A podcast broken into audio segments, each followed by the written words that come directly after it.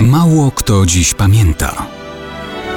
Datownik historyczny prezentuje Maciej Korkuć.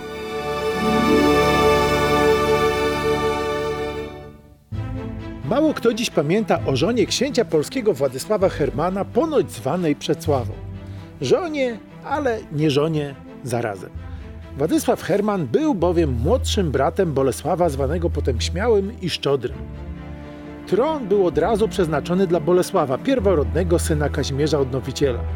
On miał małżeństwo zgodnie ze zwyczajem dynastyczne i sankcjonowane przez Kościół.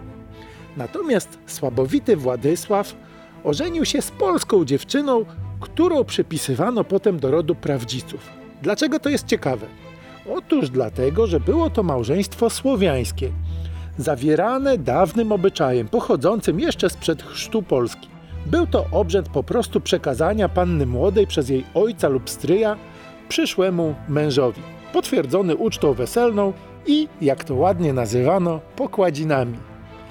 Choć było to małżeństwo zawierane bez udziału Kościoła, jeszcze w XI, a nawet do końca XII wieku było uznawane za ważne.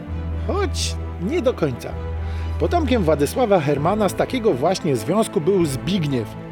Według biologii to on był pierworodnym synem władcy, a nie Bolesław zwany Krzywoustym, zrodzony wiele lat później z innej żony, Judyty Czeskiej.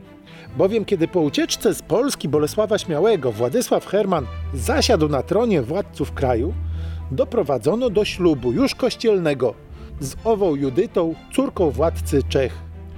Najprawdopodobniej pierwsza, słowiańska żona Władysława Hermana wciąż żyła, ale została odesłana do domu.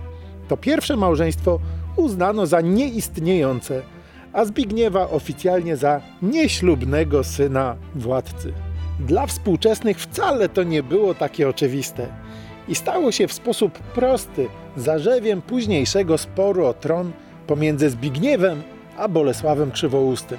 Żona czy nie żona, syn z prawego czy z nieprawego łoża. Oto były nasze XI-wieczne i XII-wieczne pytania.